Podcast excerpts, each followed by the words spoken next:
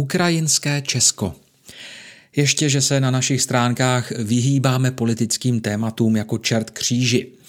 Komentovat téměř vlastizrádnou vládu a její neschopné bizarní figurky na rozpadající se šachovnici země české nebo dokonce předsedu vlády, který v tom lepším případě působí jako nabubřelý snob, si proto odpustím.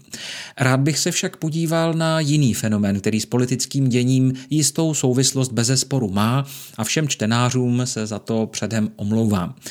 Česká republika se v posledních měsících zahalila do modrožlutých barev a když jsem na budově místního obecního úřadu zmerčil ukrajinskou vlajku vedle té české a obecní, uvědomil jsem si, jak jsme my Češi hodným a empatickým národem jak umíme podporovat lidi v nouzi a nebereme přitom ohledy ani sami na sebe. Myšleno v dobrém, protože ne každý je ochoten věnovat část svého pohodlí a ubytovat u sebe doma válečné uprchlíky. Svoji solidaritu pak rádi demonstrujeme nálepkami na autech, vlajkami na úřadech či stužkami na oblečení. Chceme ukázat, že to s tou pomocí myslíme opravdu vážně, ať už se zapojujeme přímo nebo jen v myšlenkách.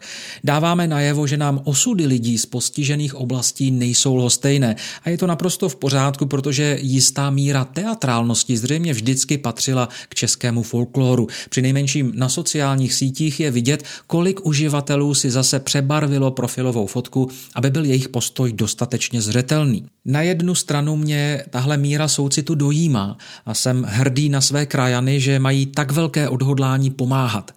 Na druhou stranu mě děsí, že si právě pomoc Ukrajině vzala česká vláda jako hlavní a nejdůležitější téma svého volebního období a navzdory možnostem, které Česko má, se rozhodla zadlužit naši zemi až po uši, jen abychom také pomohli. Vy jste snad někdy někomu půjčili peníze, které jste neměli? Vždycky jsem pomohl půjčkou, pokud mi to ovšem moje vlastní ekonomická situace dovolila, ale nikdy jsem si nepůjčoval, abych sám mohl půjčit. U vlády, která spravuje finance veřejné, tedy naše společné, je takové chování ještě méně pochopitelné. Pomáhat by se mělo jen tehdy, pokud je to v našich silách a můžeme takovou pomoc nabídnout. A pokud to v našich silách není, je absurdní se v zájmu solidarity dobrovolně poškozovat, propadat do chudoby a snižovat si solidárně kvalitu života na úroveň zničené země, které tak dáváme najevo, že v tom není sama. Vypadá to, že je teď humanismus a solidarita v područí zbrojního průmyslu a dalších biznisů, které budou na této situaci vydělávat těžké peníze.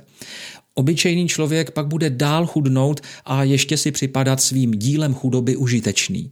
Nabubřelý snob totiž vysílá signály, které těm naivnějším z nás zřejmě nepřijdou ani trochu přitažené za vlasy.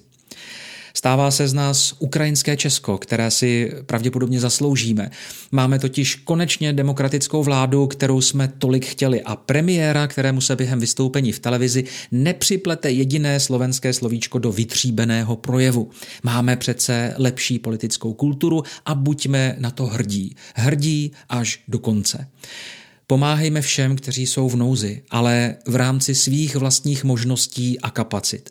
Nevytvářejme ve společnosti dojem, že teprve když budeme v nouzi také, je naše solidarita dostatečně upřímná. Přistupujme ke svěřeným prostředkům s péčí řádného hospodáře, abychom také jednou nemuseli my nebo generace našich potomků obnovovat celé Česko.